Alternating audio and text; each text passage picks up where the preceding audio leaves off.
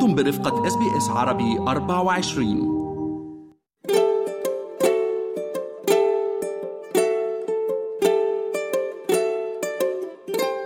تحت المجهر. بودكاست يتناول العناية بالصحة الجسدية والنفسية.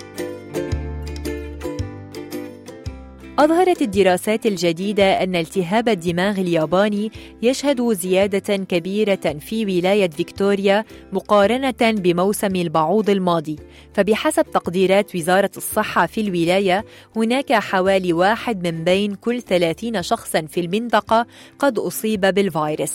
لذلك وسعت الوزارة أهلية اللقاح المجاني لتشمل حوالي مئة ألف من السكان بعد أن تم تقييدها سابقا على عمال الخنازير الذين كانوا يعتبرون ذات مخاطر عالية. وللتوقف أكثر عند هذا الموضوع يسعدني أن أتحدث أنا كريستال باسيل إلى الدكتور مصطفى علم الدين. أهلا وسهلا فيك دكتور علم الدين. أهلا وسهلا فيك كريستيان بداية دكتور شو هو التهاب الدماغ الياباني؟ ومين هن الأشخاص الأكثر عرضة لهيدا الفيروس؟ هو التهاب يلي بسموه Japanese encephalitis اللي هو معروف بهالاسم التهابات الدماغ الياباني. بصورة عامة هو مش كتير يعني آه، منتشر بس عادة منتشر بمناطق كتير آسيوية وبتورس آيلاند و بس بعتقد كمان يعني انتشر بفترة قصيرة شوي بعد ما صارت الفيضانات وبعد ما صارت في يعني مي وقدرة الذبابات اللي بتنقله.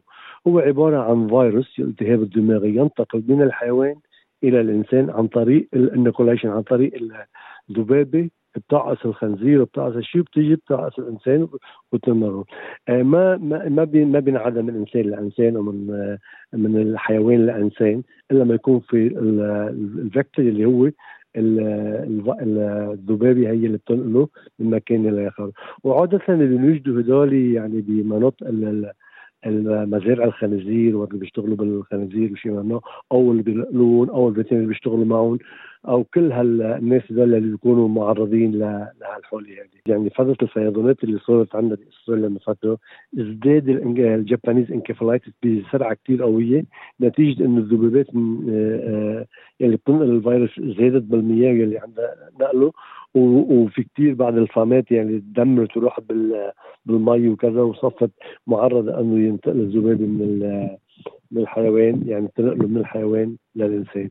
بس إذا اكلوا أو إذا كان تنتقل من واحد أو بالرشح أو شيء ما له علاقة يعني ما تنتقل فيها إلا ما يكون في vector معين هو ينقل هذه ال vector. بقصد فيه يعني الناقل الناقل اللي هو الذبابي اللي بياخذوه من الحيوان للإنسان.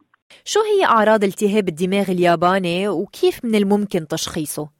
التهاب الدماغ الياباني مثل ما يعني اسمه بيعني إنه آه، التهابات الدماغ ممكن يصير الإنسان عنده وجع راس قوي عادة يمكن يكون ما في أي عوارض نهائيا كمان يكون الواحد يصيبه ما ما يحس فيه نهائيا. أو ممكن آه، يحس بعوارض مثل وجع راس قوي مثل آه، التهابات بال يعني هيك بيشعر بتعب غثيان حرارة مرتفعة الحال بتروح الشاهيه كل هالعوارض العامية اللي ممكن تصير التهابات ومن الممكن بعض الوقت إنه الالتهابات تكون لدرجة قوية جدا أو المصاب فيها يكون جهاز المناعة الجهاز المناعي عنده ضعيف مش قوي كثير حتكون العوارض أقوى وأكثر وممكن يعني في بعض الحالات تؤدي للوفاه بس منها بهال بهالخطورة اللي عم نحكي فيها. المرض خلاص يعني بتكون انديميك يعني بتكون في منطقة منتشرة الأوبئة فيها.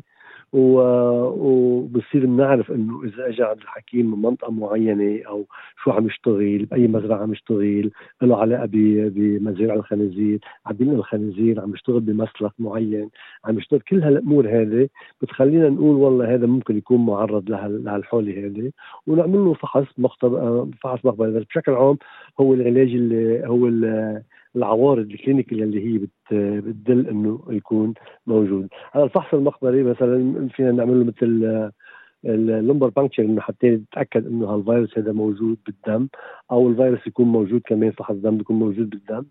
ومتى ما انثبت يعني على ساعتها بننتقل لمرحلة العلاج. وكيف بيتم دكتور علاج التهاب الدماغ الياباني؟ العلاج بحد ذاته ما في علاج معين.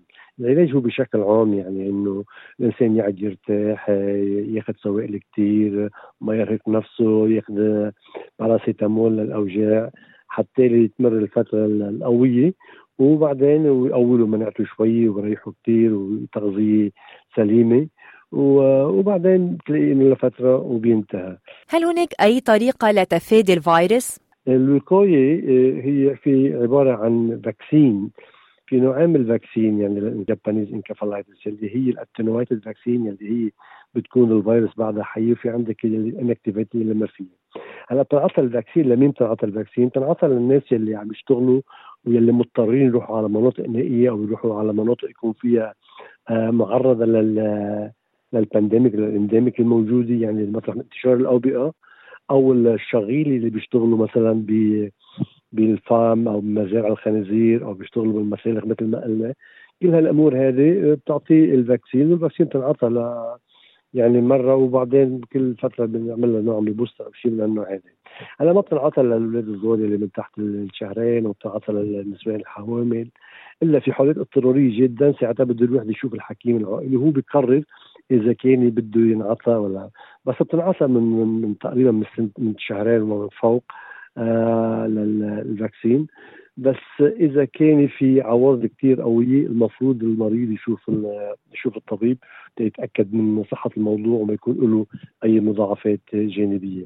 إلى جانب الوقاية مثلا الواحد لازم يلبس آه آه اوعيه تكون طويل من طويلة حتى mosquito repellent حتى يعني هالوقاية اللي بيعملها وقت الواحد بيكون بال outdoor area بمناطق مع الهواء الطلق وممكن يكون في ذبابات أو ممكن يكون في نوع من ال vector اللي هو ممكن ينقل الفيروس من من الحيوان للإنسان.